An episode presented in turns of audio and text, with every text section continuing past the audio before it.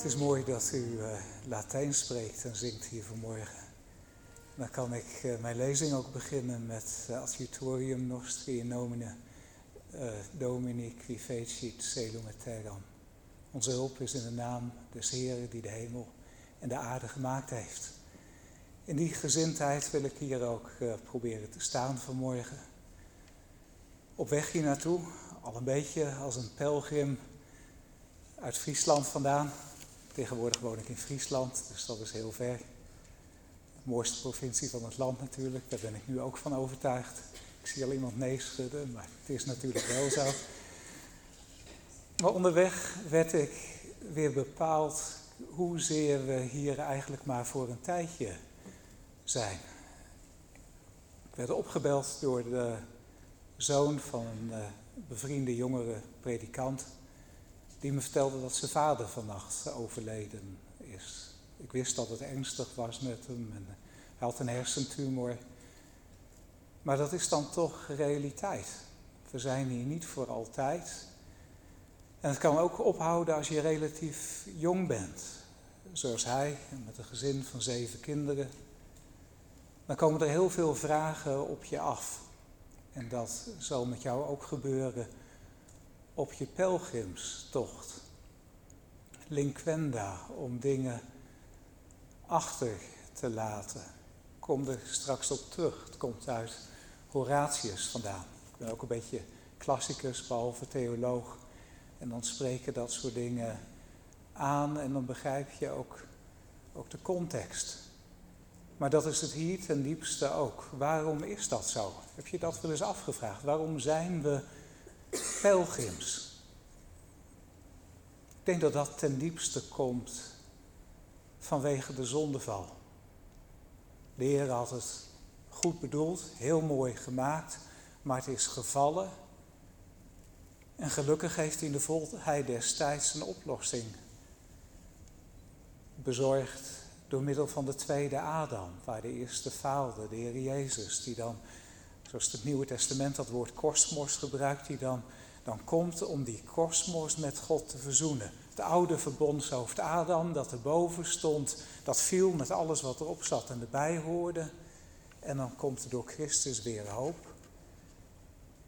In de eerste plaats geestelijk, dat hij door zijn geest het hart vernieuwt. Met zonder wedergeboorte zal niemand het koninkrijk van God zien. Maar dan na de wedergeboorte van de geest, die dan nog in een gevallen lichaam zit, dat dat dan toegaat naar de jongste dag. Naar het hemelse Jeruzalem dat neerdaalt op aarde. Hier geen blijvende stad, maar we zoeken de toekomende. Dat is heel zichtbaar bij mijn eh, universiteit in Zuid-Afrika, Noordwest Universiteit. Vroeger was dat Potchefstroom Universiteit voor Christelijk Hoger Onderwijs. Nou is God ook uit de grondwet van onze universiteit weg. En dat, dat toont de tijd. Dat is het eerste deel van mijn toespraak zo. Maar gelukkig staat daar in Potchefstroom ook nog een standbeeld van de grote gereformeerde theoloog Totius. J.F. Dutoy, zo wordt dat daar uitgesproken. Die vertaalde een groot deel van het Oude Testament bij de eerste Afrikaanse Bijbel van 1933. En een van zijn gedichten en bijdragen gaat erover dat we hier geen blijvende stad hebben. En op dat standbeeld staan maar een paar woorden. Die wereld is ons woning niet. Nou, dat is in het Nederlands ook wel duidelijk. Geen blijvende stad. Totius heeft dat in zijn eigen leven ook wel ondervonden. Een van zijn kinderen die stierf heel vroeg. Ja, van dat besef ben ik vanmorgen ook weer extra doordrongen. En ik hoop dat jullie dat ook zijn, want dat is belangrijk. Dat is een voorwaarde om pelgrim te kunnen zijn. Dat je hier geen blijvende stad hebt, maar dat je op weg bent. En dan ook niet alleen, maar in de goede zin samen op weg met de christenen van deze tijd met de kerk van alle tijden, met de grote wolk van getuigen waarover de apostel Paulus in Hebreeën spreekt, die ons aanmoedigt en waarvoor, als het goed is, op zondag iets van merken bij de eredienst, dat we dat doen samen met de kerk van alle tijden en de hemelse eredienst uit de openbaring 5. The glorious company of the apostles praise thee and the goodly fellowship of the martyrs. Doen u ook recht, o heren, zoals dat in het oude Anglikaanse morgengebed beleden wordt in de, in de grote lofzang. Zoals jullie gehoord hebben is mijn achtergrond ook een beetje die van een pelgrim op aarde. Je weet soms niet waar je heen gaat en, en land. Nou heb ik dat altijd wel met de Heer proberen te doen. En daardoor weet je er ook iets van dat het wel de bedoeling was. En zo heb ik over de aarde rondgezwerfd. Van Nederland naar Zuid-Afrika. Weer even terug en toen naar Australië. En nu weer in Nederland. En zo kan het met jouw leven ook gaan. Het kan ook wezen dat jouw pelgrimstocht altijd in hetzelfde dorp in Friesland of waar dan ook zich afspeelt. Maar hoe dan ook, dan ben je geestelijk op weg. En dan is mij gevraagd om dan vooral te spreken over het op weg zijn. Naar aanleiding van Psalm 17, vers 5, die woorden van als we dat dan berijmd hebben, ik zet mijn treden in uw spoor, opdat mijn voet niet uit zou glijden. Als we dat nou in de vroege kerkgebeden hadden, dan hadden we dat in het Grieks gedaan. En dan hadden we de Heere gevraagd om onze treden te richten. Letterlijk eigenlijk te helen. Daar klinkt dat besef van door dat we hier in een gevallen werkelijkheid zitten en dat we dus hulp nodig hebben en op weg zijn. En zelfs al zijn we op weg, dan zijn we nog alleen maar medewerkers aan de genade van God in de heiligmaking en hebben we zijn hulp nodig. En daarom, heren, genees mijn treden. Maak ze zo dat ze in uw voetstappen, in uw spoor zullen gaan. We hebben uw hulp daarbij nodig. Dus iets van afhankelijkheid. Niet alleen op weg en ook niet alleen samen met andere mensen, maar op weg samen met de Heere. Richt mijn stappen in uw paden, zodat mijn voetstappen niet uitglijden. Dat is een gedachte die je niet alleen in Hebreeën vindt, maar ook in deze psalm en dan ook op andere plaatsen in de Bijbel. De bekende psalm 84, zij gaan van kracht tot kracht steeds voort. En dat gaat dan ook door de woestijn heen. En dan krijg je gelukkig af en toe oases. En ik hoop dat je vandaag ook een beetje zo ervaart. Als een oase die je helpt om weer te laten drinken. Levenskracht op te doen. Want die vind je bij de Heer en zijn woord. Bij u, Heer, is de levensbron. En dat je dat op zondag in de gemeente ook hebt. En met de samenkomsten van Depositum custodie. Drie punten. Ja, jullie doen het goed geïnformeerd. Ik weet niet of het goed geïnformeerd is, maar het is een soort van praktijk die ontstaan is ergens in de 19e eeuw. Dat een goede geïnformeerde preek, die heeft dan 1, 2, 3 punten. Nou, ik heb ze nageteld. Mijn dochter die kan het beter, die studeert wiskunde, maar 1, 2, 3 ging voor mij ook nog wel. Onze tijd, dat is het eerste. En dan wat zegt de christelijke traditie. En tenslotte reformatorische pelgrimage. Hoe doe je dat nou praktisch? Waar moet je op letten als pelgrim? Hoe kan je het laten werken? Hoe kom je vooruit? Is misschien ook een glaasje water? Juist.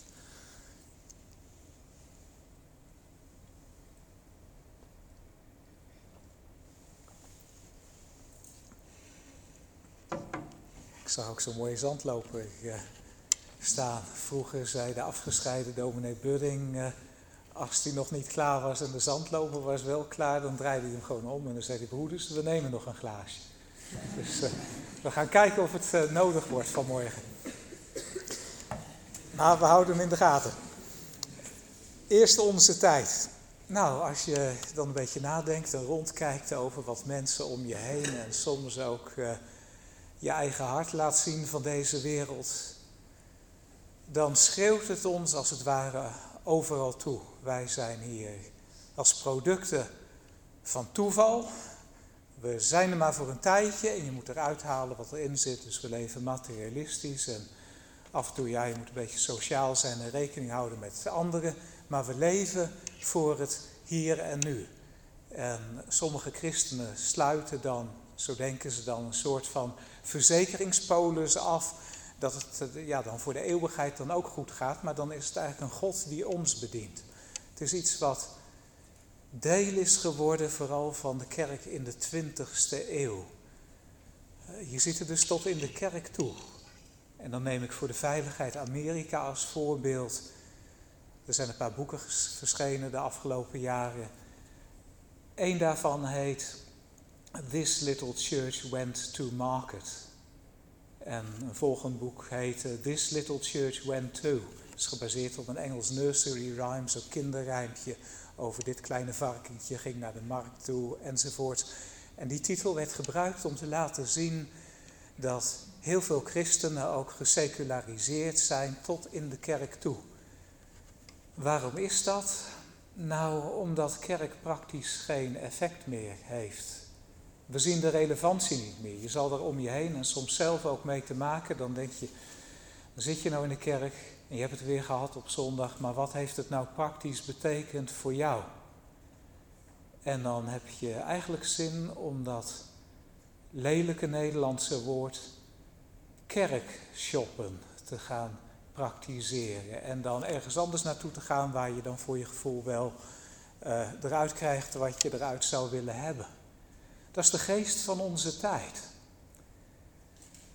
Dat God eigenlijk overal uitgefilterd is. Want op school en op de universiteit hebben we de evolutietheorie. Er is geen scheppen meer. Zelfs waarvan we denken dat het gemaakt is, dat is patronen van toeval. De blind watchmaker in de woorden van Richard Dawkins. En wij zelf als producten van tijd en van toeval en van misschien wel van survival of the fittest. Nou, dat kan je ook zien in de supermarkt of op de snelweg, hoe mensen denken over hoe belangrijk ze zelf zijn. Ik geconcentreerde samenleving tot in de methode van onderwijs toe. Langzaam is dat veranderd. Alles werkt eraan mee dat we een wereldbeeld hebben dat zegt, uh, je bent hier voor een tijdje, je haalt eruit wat erin zit. En we moeten het met elkaar doen, ook nog een beetje samenleven. Dus je kan niet te rigoureus zijn in dat opzicht. Maar God, nou ja, moet je afwachten. Misschien is hij er, misschien is hij er niet. Wat zien we er echt van? Hoe relevant is dan kerk nog? Nou, dat is belangrijk als een geloof. Daarom wordt er ook heel veel gesproken over wat geloof voor je betekent. Niet meer dat de Heer een werkelijkheid is, dat er een Heer is die spreekt, dat er een Heer is die ook ingrijpt en bestuurt op aarde. Nee, als iemand ziek wordt, zoals mijn vriend aan kanker, dan kan ook God daar niks meer aan doen. En als die opgegeven is door de dokters, nou ja, dan, dan houdt het op. En wij zijn als christenen geneigd om meegesleept te worden in dat denken. Het kan ook anders. Er is een vrij bekende theoloog van de Universiteit van uh, Duke in de Verenigde Staten, die ook samenwerkt met de Oxford Universiteit. Dus dat is niet de eerste, de beste persoon.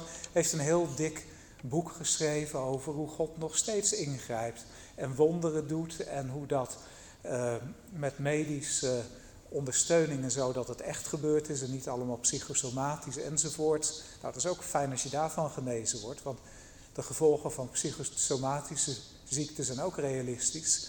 Maar niettemin, we willen graag weten dat het echt is en geen verbeelding, dat er ook echt ingrijpen was. Dat, daar is getuigenis van, academisch, peer-reviewed getuigenis. En de artikelen, dus kan ook anders, maar onze maatschappij wil dat niet meer zien. Die heeft het boek van God en zijn bestaan dichtgeslagen met de verlichting. Eerst kregen we het deïsme. Sommigen van jullie hebben daarvan gehoord. Als je dat even makkelijk zegt, dan is dat het heelal, dat is zoals een klok. Dat draait allemaal vanzelf. God doet er ook niks meer aan. Die wint hem op aan het begin van de schepping. Hij heeft wel die klok gemaakt, maar nu verloopt alles volgens natuurwetten en daar gaat God ook niet meer tegenin. Dus dan is het eigenlijk God op een afstand, daar ergens. En je weet ook niet meer precies over wat het is en hoe het is. Zo is de theologie later ook verongelukt en de westerse natuurwetenschap. Later gingen we een stapje verder. Darwin had een aantal voorgangers, maar toen kwam dan toch zijn uh, inquiry of inquiry. En, uh, en later zijn boek over the descent of man. Dat was eigenlijk nog speculatiever. Eigenlijk was Darwin in zijn eigen tijd nog speculatief en waren er ook andere wetenschappers die op zich net zo seculair waren, maar ook kritiek hadden. Dat kwam omdat zeg maar, het mechanisme voor de evolutie nog ontbrak. Dus zei, je zegt het wel, maar hoe kan dat dan?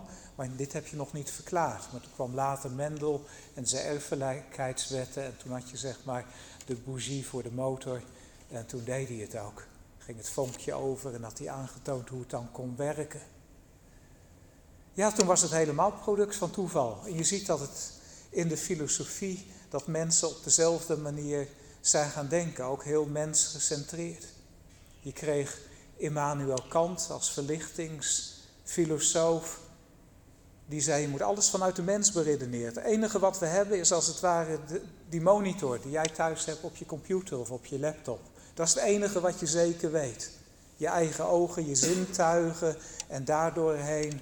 Maar dat is ook alles wat je kan weten. Dus je beperkt het denken, het rationele, tot dat. Dat is alleen echte wetenschap wat via de monitor komt. Nou, dat is een inperking. En dat maakt ook dat er eigenlijk geen objectieve werkelijkheid buiten de mens bestaat als je het gaat doorredeneren. Voor Kant was die er nog wel, omdat hij het oude wereldbeeld nog had. Maar een volgende generatie zei nee, het is de mens zelf die het maar moet uitzoeken. En toen kreeg je later de filosofie van het uh, nihilisme en het existentialisme, waar eigenlijk het postmodernisme, wat we in onze tijd hebben, een uitvloeisel van is. We zijn producten van toeval, dus we moeten het eigenlijk zelf uitzoeken in de ethiek, dat vak dat ik dan bij het seminarium mag geven aan, uh, niet alleen aan predikanten trouwens, want ik zag vanmorgen dat, uh, even gesproken met twee leerlingen die ik vorig jaar had, twee studenten, die waren allebei uit andere vakrichtingen dan de theologie. Dus overweeg dat gerust als je een keer een minor of zo kan, uh, kan doen en je denkt dat het zinvol is voor jou, dan met die cursus ga ik meer in op dat soort vragen. Hoe, het, hoe, we zo zijn gaan denken in onze tijd als we denken. En hoe dat tot in het universitaire onderwijs is doorgedrongen. Dat hangt samen met iets anders. We zijn ook anders gaan nadenken over waarheid. Als je christelijk opgevoed bent, dan besef je dat waarschijnlijk niet helemaal zo. Maar nu je studeert, heb je er al wat van gezien. Bij je ouders heb je geleerd waar is waar en onwaar is onwaar en dat blijft ook altijd zo. Maar op de universiteiten hoor je, we hebben waarheid voor een tijdje. Er is waarheid voor nu en die kan over een paar eeuwen in een andere tijd weer anders zijn. Weet je waar dat denken vandaan is gekomen en waarom mensen dat echt geloven nou? Dat is doordat er na de verlichting de romantiek is gekomen. En de romantiek die had één hele belangrijke filosoof voor het grondwerk daarvan. Dat was Georg Friedrich uh, uh, Hegel. Ik ben even onzeker over zijn naam, omdat het lijkt op die van Hendel. Maar in elk geval, het was Hegel. En hij geloofde in een geest van de geschiedenis, die historisch de wereld leidt van these en antithese, dus van een stelling en een tegenstelling, die komen samen. Na verloop van tijd gaan ze een beetje vechten en dan kom je compromis en dan komt er de synthese uit. En dat is dan de werkelijkheid en de waarheid voor deze tijd. En ergens anders heb je weer een andere these en synthese en een andere synthese en dan is dat de nieuwe these en antithese. En die komen weer bij elkaar en zo verandert waarheid. Zo is de romantiek ook tegen ethiek gaan aankijken. Je ziet dat bij Jean-Jacques Rousseau, je ziet het later in de literatuur. Je hebt er een soort van volgorde in als je daarnaar kijkt. Lees wijle professor van den Berg, zijn boeken over metabletica. En ook de uitstekende boeken van Francis Shaver, de Presbyteriaanse predikant die in het Nederlands vertaalt de God die leeft. En hij is er en hij spreekt, geschreven heeft. Uitstekende boeken.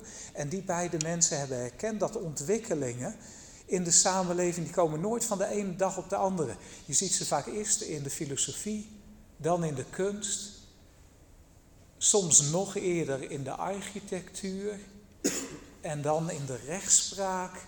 En vervolgens, helaas, helemaal aan het einde van de rit, dan komen ze ook nog eens een keer in de theologie kijken met mosterd na de maaltijd enzovoort. Dat zie je op dit punt ook. Het verandert al bij Hegel en je ziet het eind 19e eeuw al bij Oscar Wilde, die de gevangenis in moest, de bekende Engelse literaten met uh, spelen zoals uh, The Importance of Being Earnest. Groot literaat, briljant man, maar hij viel voor de zonde van homoseksualiteit en hij belandde toen nog in de gevangenis. En uit de gevangenis schrijft hij dan een brief. En die brief die krijgt later de titel mee De Profundis. Out of the depths I have cried unto thee, O Lord. Uit diepte van ellende. Nou, toen ik die titel dacht, zag, toen dacht ik, nou, dan heeft hij vast spijt gekregen en dan wil ik dat boek gaan lezen om te zien hoe hij dan tot bekering is gekomen en weent over zijn zonde zoals de psalmist dat deed. Nee, dat bleek niet het geval. Als je dat boek gaat lezen, De Profundis, dan is het de schuld van iedereen behalve van Oscar Wilde. Zijn enige schuld is dat hij de waarheid van de tijd verkeerd heeft ingeschat. Want die liefde, ook in zijn homoseksuele uitdrukkingsvorm, dat was goed geweest. Want zijn gevoel zat daarachter en bleef daarachter staan. En als het goed voelt, dan blijft het goed. Dat is in deze tijd ook.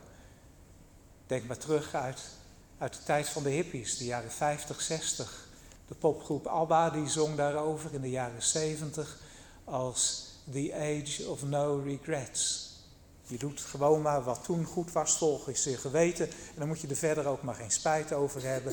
Je moet trouw zijn aan jezelf. En dat was trouw zijn aan jezelf op dat moment. Dat je met iedereen naar bed ging en, en drugs gebruikte. Waarheden voor een eigen tijd. Dat komt bij Hegel vandaan. Dus besef dat.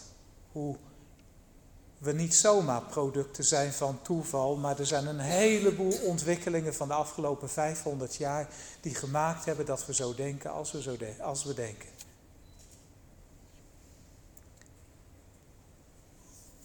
Zo, over een minuut of zo, dan kom ik bij wat de christelijke traditie dan zegt. Dat werkt voor onze tijd niet meer. Wij hebben in de christelijke traditie, ik kom daarop terug, boeken van de natuur en van de schriftuur, middelen waardoor God zich openbaart. Maar die twee boeken die zijn keihard dichtgeslagen door onze tijd. Het boek van de natuur door de seculaire wetenschap en met name de evolutietheorie. Geen God en geen meester, of het is afwachten en we zijn op zijn beste agnosten. Dus dan kan je ook God niet meer in de schepping zien, want daar zit geen bedoeling achter. Dat is op zijn hoogst nog normatief, omdat dat de enige manier is om vooruit te komen als je het op die manier doet. Dan kom je bij Nietzsche terecht en de Ubermensch. Nou wil je dat? Past dat nog met christendom? Nee, daarom verlaten ook zoveel mensen de kerk. Het is niet meer relevant. Kerk is hoogstens relevant omdat het mensen psychologisch een beetje helpt of dat de kerk liefdadigheid doet. En op Urk daar geven ze duizendmaal meer aan goede doelen dan in Amsterdam. Je kan het nakijken. Dus dan is het toch wel voor de overheid goed als er nog mensen zijn die christenen zijn. En dan is geloof, heeft dan nog zijn waarde. Maar alleen nog maar seculair. En het lastige is dat wij ze als kerken in de theologie daarin geholpen hebben. En dat we onze predikanten naar universiteiten stuurden die het niet meer geloofden. Omdat ze dachten, de hoogleraren dan, dat godsdienst is dat mensen zelf uitgedacht hebben. Dus het Oude Testament was een keer door Joden bedacht en die hebben het aan Mozes en andere profeten toegeschreven. En dus op de ballingschap is dat eens een keer verzameld. Of nog later, zoals bij Daniel. Want profeteren, dat, uh, echt profeteren, dat lukt niet. Dus dan moet het wel iemand geweest zijn die 300 jaar later of 400 jaar later zelfs leefde. En het nadat hij het allemaal gezien had, op papier schreef en zei: Ja, dat is nou Daniel die profeteerde en dat moeten we nou geloven. Ja hoor. Als je over die tijd gaat lezen en, en werkelijk verdiept in hoe mensen in die tijd dachten, die geloofden dat niet zo. Maar de moderne theologie doet dat wel en dat is de regel om vooruit te komen. Dus ook de theologie die bedrijft wetenschap et deus non daretur. Alsof daar geen God gibt, alsof God niet bestaat. Want alleen dan doe je het wetenschappelijk en dan ben je echt de goeie. Ja, dan gaat ook de Bijbel dicht. En dan ben je alleen aan jezelf en aan het lot en aan het toeval overgelaten. Want je weet niet meer of er een God is die op de, in de hemel op zijn troon zit en regeert. En betrouwbaar spreken, ja, dat is maar net het gevoel van mensen die dat bij, bij iets hogers gehaald hebben en dat dan opgeschreven hebben. Je kan er ook niet meer van op aan. En als je zo'n tekst als 1 Timotheus 2 leest, het van de vrouw. Ik heb dat een aantal jaren geleden is onderzocht voor een wetenschappelijk artikel hoe mijn collega's in Zuid-Afrika erover denken. Zuid-Afrika is veel conservatiever dan Nederland. Nou, er was er eentje die samen met mij zei dat geldt ook nog voor deze tijd. Alle anderen die zeiden dat is toch achterlijk. Dat is een zwarte bladzijde van het christendom. Dat mensen zoiets zouden durven in hun hoofd halen. Dat vrouwen niet dezelfde rechten hebben als mannen en hun mond zouden moeten houden in de kerk en niet ook dominee zouden moeten zijn. Dat is op zijn best een herinnering aan vroeger, hoe ze nog met een achterlijke waarheid zaten. En dat paste misschien in de tijd van Paulus, maar is op zijn hoogst nauw een herinnering over hoe het nu niet meer moet. En dat schrijven ze hardop en zeggen ze hardop. En dan worden mensen als wij als achterlijke fundamentalisten beschouwd, die nog zo dom zijn om. Nou, dan, en dan word je vergeleken met fundamentalisten van de islam. Het is natuurlijk niet zo, maar dat is omdat onze tijd zich ook niet meer in anderen verdiept, omdat ze alleen geïnteresseerd zijn in zichzelf. Toch is het niet uniek dat. Uh, dat we zo'n soort houdingen om ons heen hebben. Dat is voor mij ook een bemoediging. Dat is een reden dat ik dat boek over de vroege kerk geschreven heb. Met mensen zoals jij. Om te laten zien dat eigenlijk alle problemen die we nu hebben. Ook geestelijke worstelingen, dat je toen ook al. Want die levenshouding, als je even de Bijbel terug erop slaat, dan, dan zie je dat ook al. Paulus in Romeinen. Mensen die het konden weten door de natuur, maar nou gaan ze op zo'n manier denken dat hun verstand verduisterd raakt en ze zich niks meer van wat je uit de natuur zou kunnen zien, aantrekken. En toch krijgen ze de vergelding in zichzelf, maar dat hebben ze weggeredeneerd met hun eigen theorie. En ze doen alsof God niet bestaat. Dat is 2000 jaar geleden.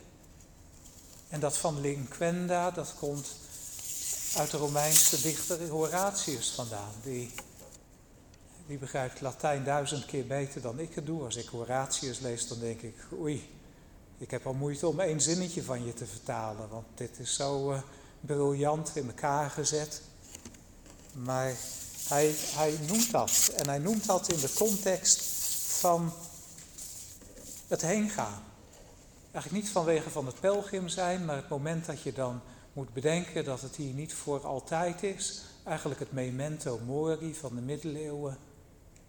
Daar stelt hij dan in een ander gedicht, een van zijn Carmina, stelt hij daar dan het carpe diem. Van dan moet je, van de goden kan je ook, weet je ook allemaal niet zeker. Dus het enige wat je kan doen is die goden nou niet verzoeken en maar bij de dag leven. Want morgen dat is uh, onzeker, daar kan je niet op bouwen. En als contrast daarmee, of als aanvulling, heeft hij dan dit andere gedicht met linquenda. Linquenda tellus et domus et placens uxor. We zijn eigenlijk gemaakt in deze zondige gevallenbedeling om te verlaten grond en huis en de behagende echtgenoten. In onze tijd kan alleen de dag plukken, want morgen is het afgelopen. Eten, drinken, morgen sterven we. Maar geldt dat voor de kerk van alle tijden nou ook? Ja, jullie weten het antwoord al. Nee, natuurlijk. We hebben hier geen blijvende stad. Dat kan je lezen bij alle kerkvaders. Dat kan je lezen bij de apostelen in het Nieuwe Testament. Waarheen pelgrims, waarheen gaat gij? Nou, dat weten we. En dat weten we omdat die twee boeken open zijn. De Heer die heeft gesproken. Hij heeft zijn apostelen in alle waarheid geleid. En daarom hebben we het Nieuwe Testament als neerslag daarvan. Van het spreken van de geest. En volgens dat spreken van de geest hebben we twee kenbronnen van Gods wil die de kerk altijd erkend heeft. En daarom zijn we niet koersloos als kerk van alle tijden. God die spreekt in de eerste plaats door de natuur. Het oude woord daarvoor is het boek der natuur. Dat vinden we bij Paulus in Romeinen, bij de vroege kerkelijke schrijver, ook wel kerkvader genoemd in bepaalde kringen. Hoewel die technisch nou niet rooms-katholiek meer was, omdat hij bij een eh, strengere kerk kwam tegen het eind van zijn leven. Bij hem krijgen we het, je ziet het bij Augustinus, je ziet het bij Thomas van Aquino, bij Calvijn en ook in de Confessio Belgica, de Nederlandse geloofsbeleidenis, artikel 2. Welke twee manieren spreekt de Heer nou? Eerst verrassend voor ons, want, want wij hebben door alle invloeden van onze tijd ook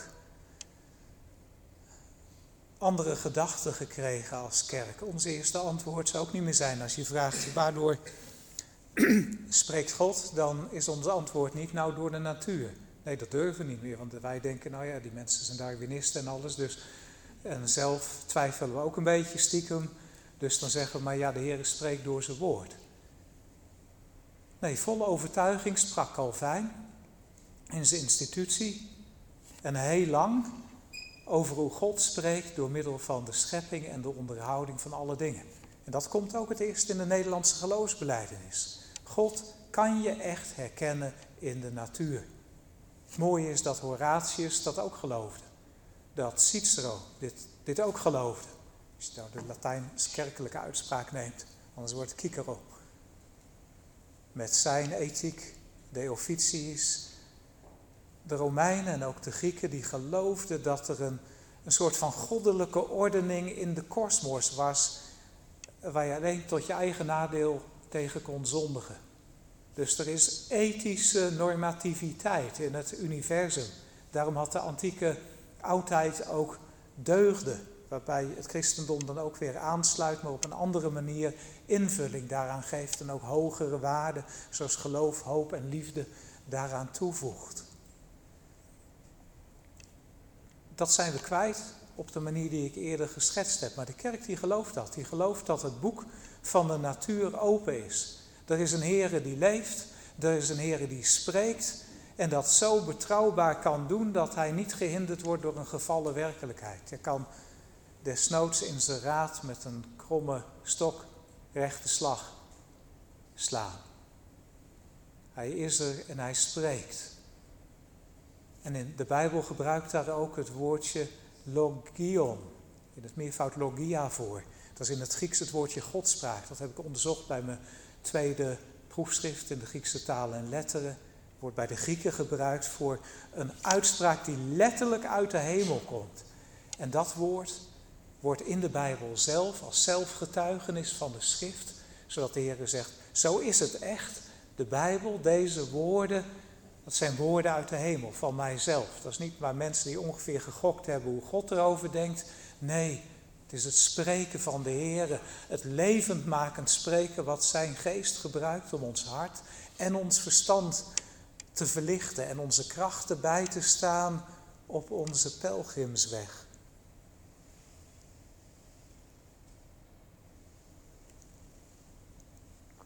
En daarnaast de Bijbel, met de natuur. ik dacht er even terug aan dat eh, eerste van Calvijn. Dus allebei, het boek van de schriftuur en, en de natuur. Die zijn dus allebei open voor de kerk, dwars door de geschiedenis heen. Ga maar lezen. Of je een vroege kerkvader leest, of iemand uit de tijd van de Reformatie. Als zij de Bijbel open doen, dan spreekt de Heer. En in deze tijd heb je te spreken mensen voor een bepaalde tijd wel door God geleid. Dan hebben we nieuwe hermeneutiek nodig om ongeveer erbij uit te komen wat het voor onze tijd dan nog kan zeggen. Nee, dat was bij de vroege kerk heel anders. De woorden van de psalmist, dat waren voor Clemens van Alexandrië de woorden van de Heer Jezus, letterlijk. Licht op ons pad. Een, een bevindelijke omgang met, ons, met God spreken. Natuurlijk in context en dat je het op de goede manier doet en geen dingen de Bijbel laat buik spreken, maar werkelijk zoals de Heer het bedoelt, maar dan toch. Betrouwbaar, onfeilbaar, ook voor de geschiedenis. Je ziet het bij, zelfs bij Augustinus. Als hem de vraag voorgelegd wordt met die Grieken die geloven dat de wereld altijd al bestond of al vele honderdduizenden jaren, dan zegt hij dat kan niet. Want God heeft het anders aan Mozes geopenbaard. Het is nog maar een paar duizend jaar geleden dat het gemaakt is. Dus zo bouwde de kerk tot aan de verlichting toe op Gods woord.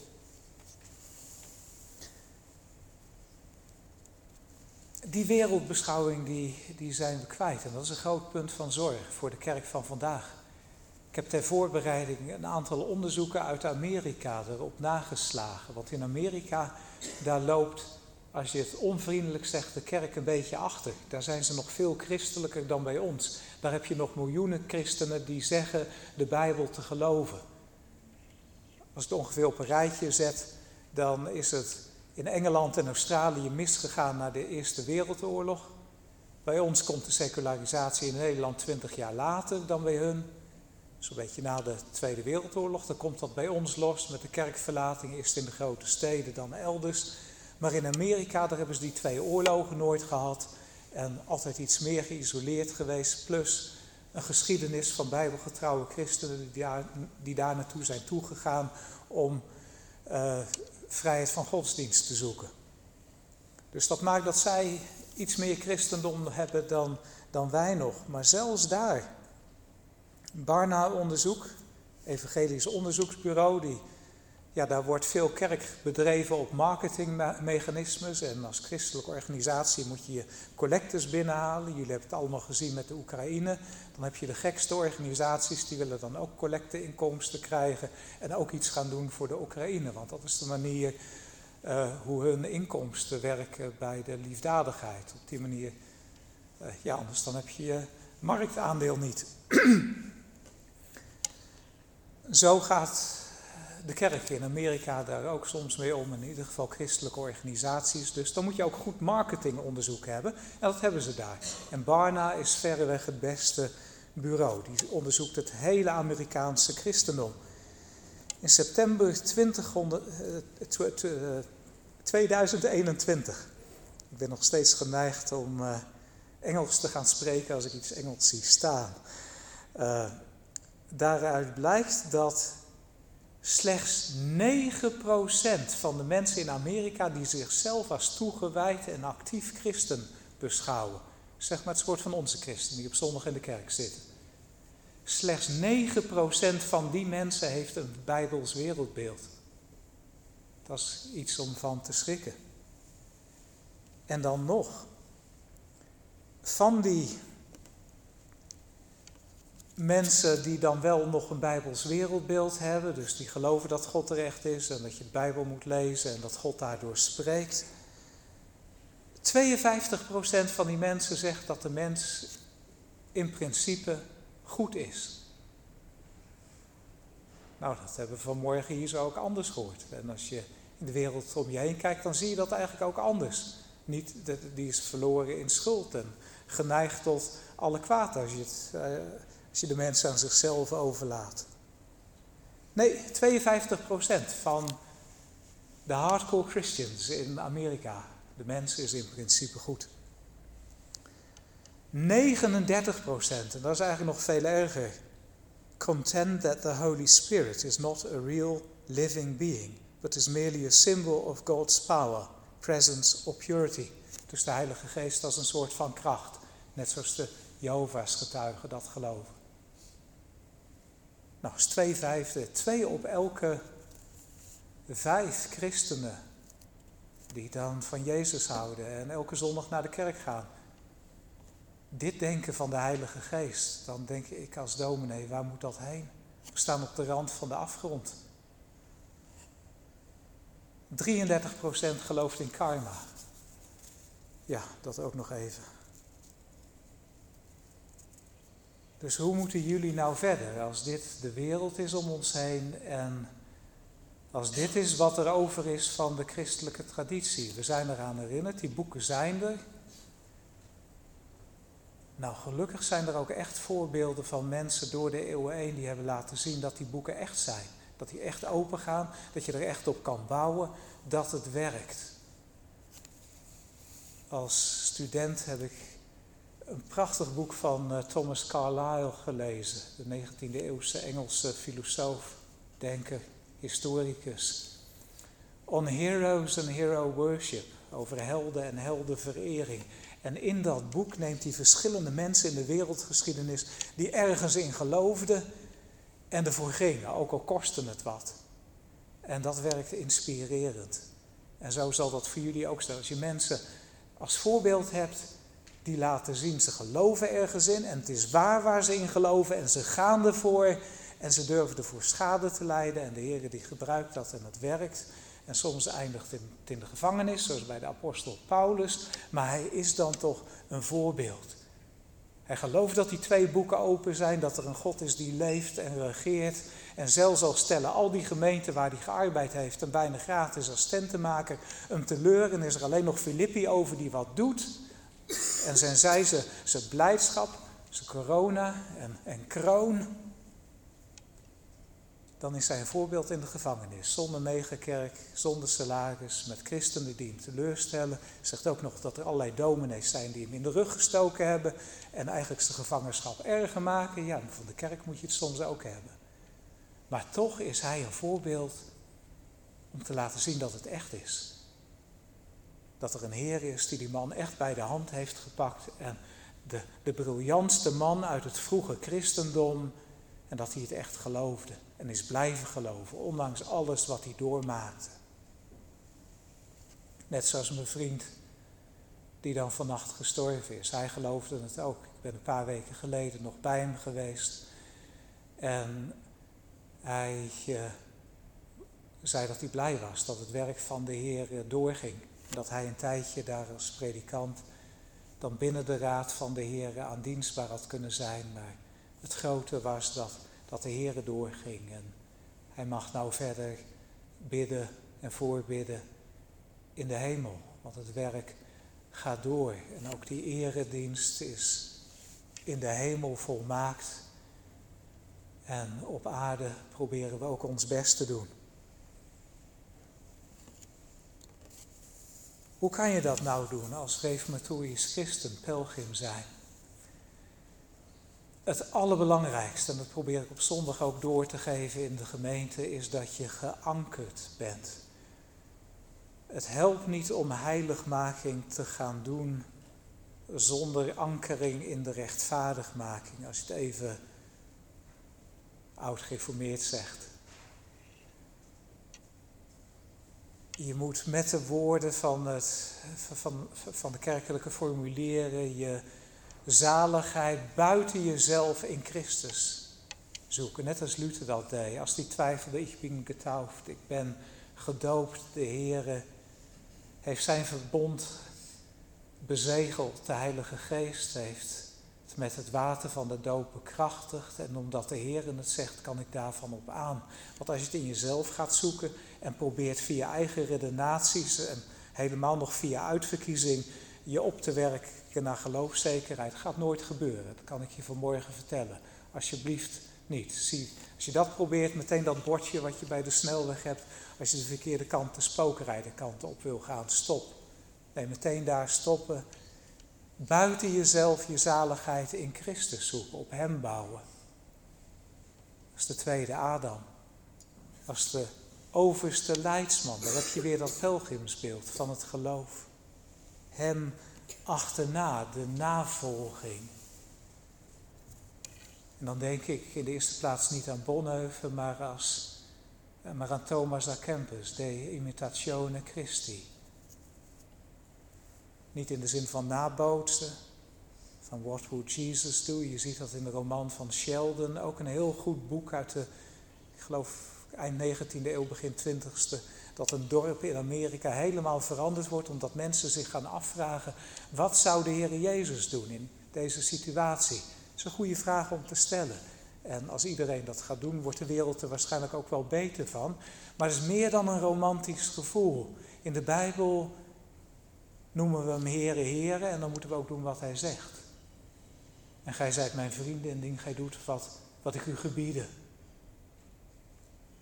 Een koning met onderdanen voor de Heere leven. Als hij het koninkrijk komt, dan moet je ook gaan doen wat hij zegt. En Hebreeën waarschuwt ons dat na die ankering in de rechtvaardigmaking de heiligmaking moet. Je moet wel goede pad op. Als je dat niet gaat doen, met een goed gevoel ga je niet in de hemel komen. En het is ook niet een eenmalig kaartje dat je nou een keer de Heer Jezus aangenomen hebt en wel voelde alsof dat helemaal eh, juist zat. En dat je dan de dood kan ingaan. Nee, dat kan alleen maar als je als pelgrim gewandeld hebt. Dan kan je ook een goed sterfbed hebben. Dan kan je ook voorbereid zijn voor de dag van je dood. Kerk bad daar vroeger ook voor. De eerste generaties van de Reformatie ook. Ga maar kijken bij het oude avondgebed. Zowel in de Nederlandse als in de Engelse traditie, of als je kunt, in het Latijn. Dat je bidt voor de dag van je dood. Je stervensgenade mag krijgen. Dat je de eindstreep mag bereiken. En dan je doel bereiken. Dat gaat alleen maar via pelgrimstocht. Dat gaat niet met een bioscoopkaartje nou kopen en dan weer zelf op de troon van je leven gaan zitten. Jaag de vrede na, zegt Paulus, en de heiligmaking, zonder welke niemand de Heere zien zal. Hebreeën 12. En dan een stuk verder, zie toe dat gij die spreekt niet verwerpt, want indien deze niet zijn ontvloden, die degene verwierpen, welke op aarde goddelijke antwoorden gaf. Veel meer zullen wij niet ontvlieden, zo wij ons van dien afkeren die in de hemelen is. Wiens stem toen de aarde bewoog, maar nu heeft hij verkondigd, zeggende, nog eenmaal zal ik bewegen, niet alleen de aarde, maar ook de hemel. En dit woord nog eenmaal wijst aan de verandering der bewegelijke dingen, als welke gemaakt waren, opdat blijven zouden de dingen die niet bewegelijk zijn. Dat is een hemelsrijstoel. Daarom, alzo wij een onbewegelijk koninkrijk ontvangen, laat ons de genade vasthouden. Dus tijdens de heiligmaking elke keer je anker, als je dat dreigt in jezelf te zoeken en wanhopig te raken. Of soms ook in medechristenen te zoeken en dan teleurgesteld bent in de kerk. En dan denk je, nou ja, het helpt ook allemaal maar niks. En ziet bij de kerk betekent het uh, niks. En de ambtsdrager komt hypocriet over. En dan gebruik je dat als excuses om van het smalle pad af te raken. Nee, dat kan je voorkomen door steeds weer te herankeren en te zien op de Heer Jezus. Voor genezing van het zondegif, zoals bij Mozes en de slang in de woestijn, maar ook in zijn voorbeeld van nederigheid. Leert van mij dat ik zachtmoedig ben en nederig van hart en dat de Heer Jezus gekomen is om te dienen, niet om ikke ikke te spelen, maar ze leven te geven als losprijs voor velen. Nou, dat gaat helemaal in tegen de levenshouding van onze tijd. En daardoor, als je pelgrim bent, dan ga je opvallen. Want je lichtje schijnt in het donker. En dan ben je op die manier ook getuige van een levende Heer. En dan komt het koninkrijk verder. En dan is je lichtje misschien maar een ledlampje. Maar als het helemaal donker is, dan maakt het alle verschil. En dan in zijn genade gebruikt de Heer Jezus jouw pelgrimswandeling misschien wel om anderen weer achter hem aan te trekken. En, en te zien waar de weg naartoe leidt. En zo werkt het met ouders en met kinderen. Het voorbeeld wat we geven aan medestudenten, aan onze broers en zusters. En als we ze hebben, mogen later ook kinderen. aantal praktische uitdagingen. Ik ga ze maar snel even langs.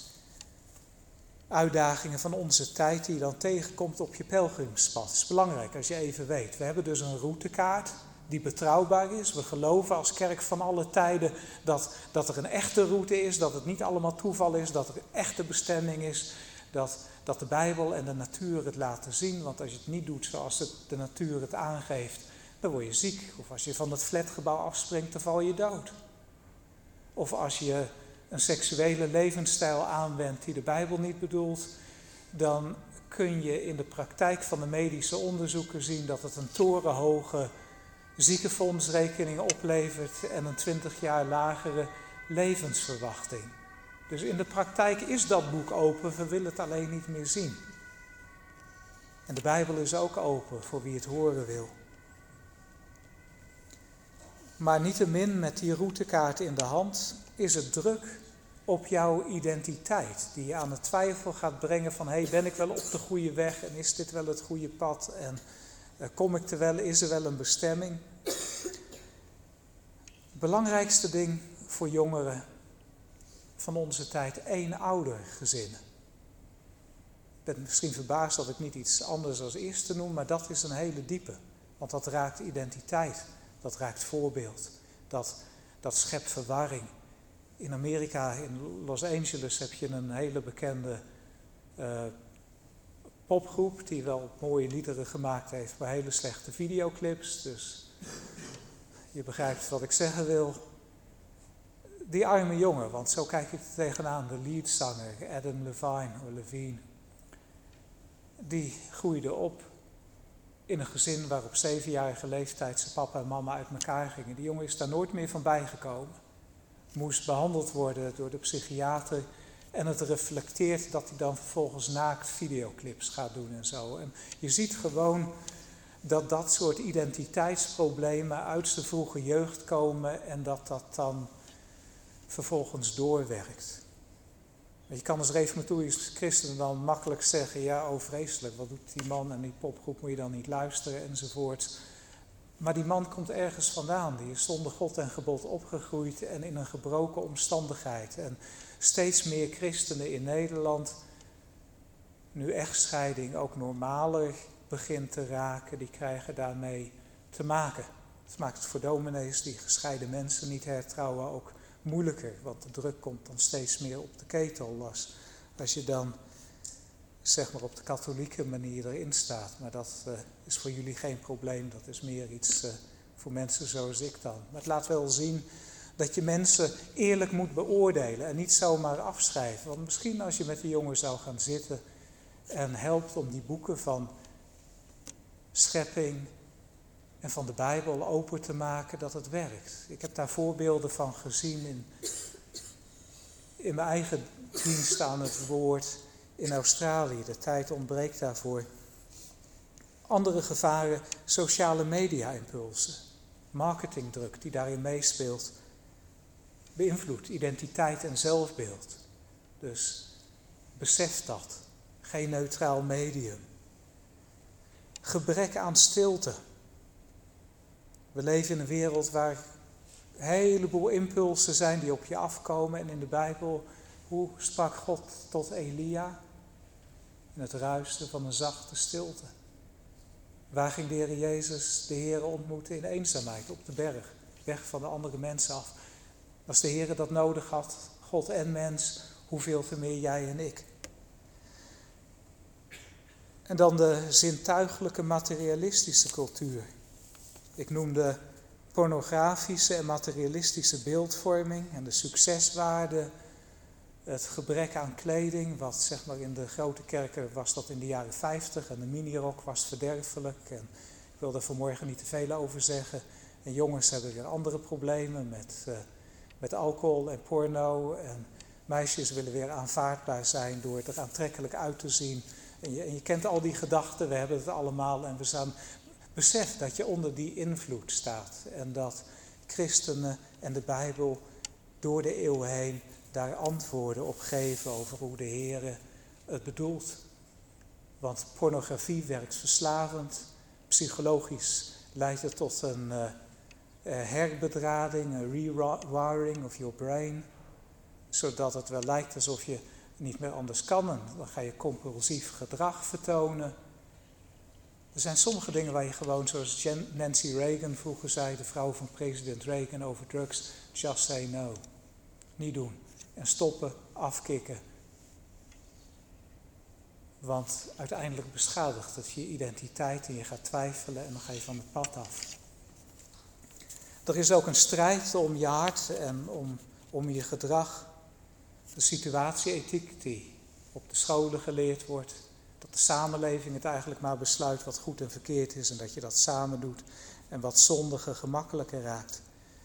Er is economische en andere wetgeving die de rails legt om een ander dan bijbels gedrag aan te moedigen. Ik moet afsluiten. Kunnen misschien in de vragen nog andere dingen aanstippen, maar besef het dat er heel veel zaken zijn die je gaat tegenkomen en waar je niet van moet schrikken. Er zijn ook hulpmiddelen bij heiligmaking, de macht van de goede gewoonte, vele andere zaken. Er zijn ook dingen waardoor je makkelijker zondigt. Verdiep je daarin. De Bijbel heeft er een boel over te zeggen. In samenvatting, hoe moet je nou verder op je pad? Werp je anker uit in Christus. Al zo lief heeft God de wereld, die kostmoest gehad waar jij bij hoort. En zoals Johannes zegt, we hebben leren kennen en we hebben leren vertrouwen. En die twee dingen zijn niet altijd hetzelfde. De liefde die God tot ons heeft, daarin ligt je verankering. En vervolgens dan Hem achterna als je meester doen wat Hij zegt. Doe je niet alleen, doe je met de kerk van alle tijden, met voorbeelden. Als ik in mijn wetenschappelijke leven samenvat, wat voor mij eigenlijk heel veel betekend heeft als student en later nog wel, is dat er andere christenen waren op hele ingewikkelde vakgebieden, van uh, astrofysica tot met material science, zeg maar in de, in de chemie. Um, noem het. En het vakgebied heeft wel iemand die christen is, die de Bijbel en Gods openbaring in de natuur vertrouwt. En tegelijkertijd ook gepromoveerd is. En dat zei mij als student, hé, hey, het kan. Het is een kwestie van wereldbeeld, van levensbeschouwing. Christendom gaat niet in tegen de feiten die we tegenkomen. En er zijn voorbeelden, er zijn kleine lichtjes op mijn pad als wetenschappelijk pelgrim. Het kan, het houdt me gaande. Ik kan ook, ook al twijfel ik wel bij, op die manier. Of het nou Paulus is, of een of andere professor in jouw vakgebied.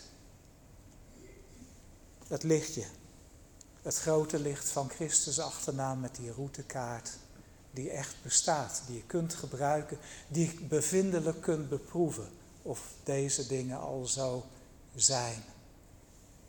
Ik zet mijn treden in uw spoor, opdat mijn voet niet uit zou glijden. En die psalm gaan we ook zingen. Psalm 17, vers 3.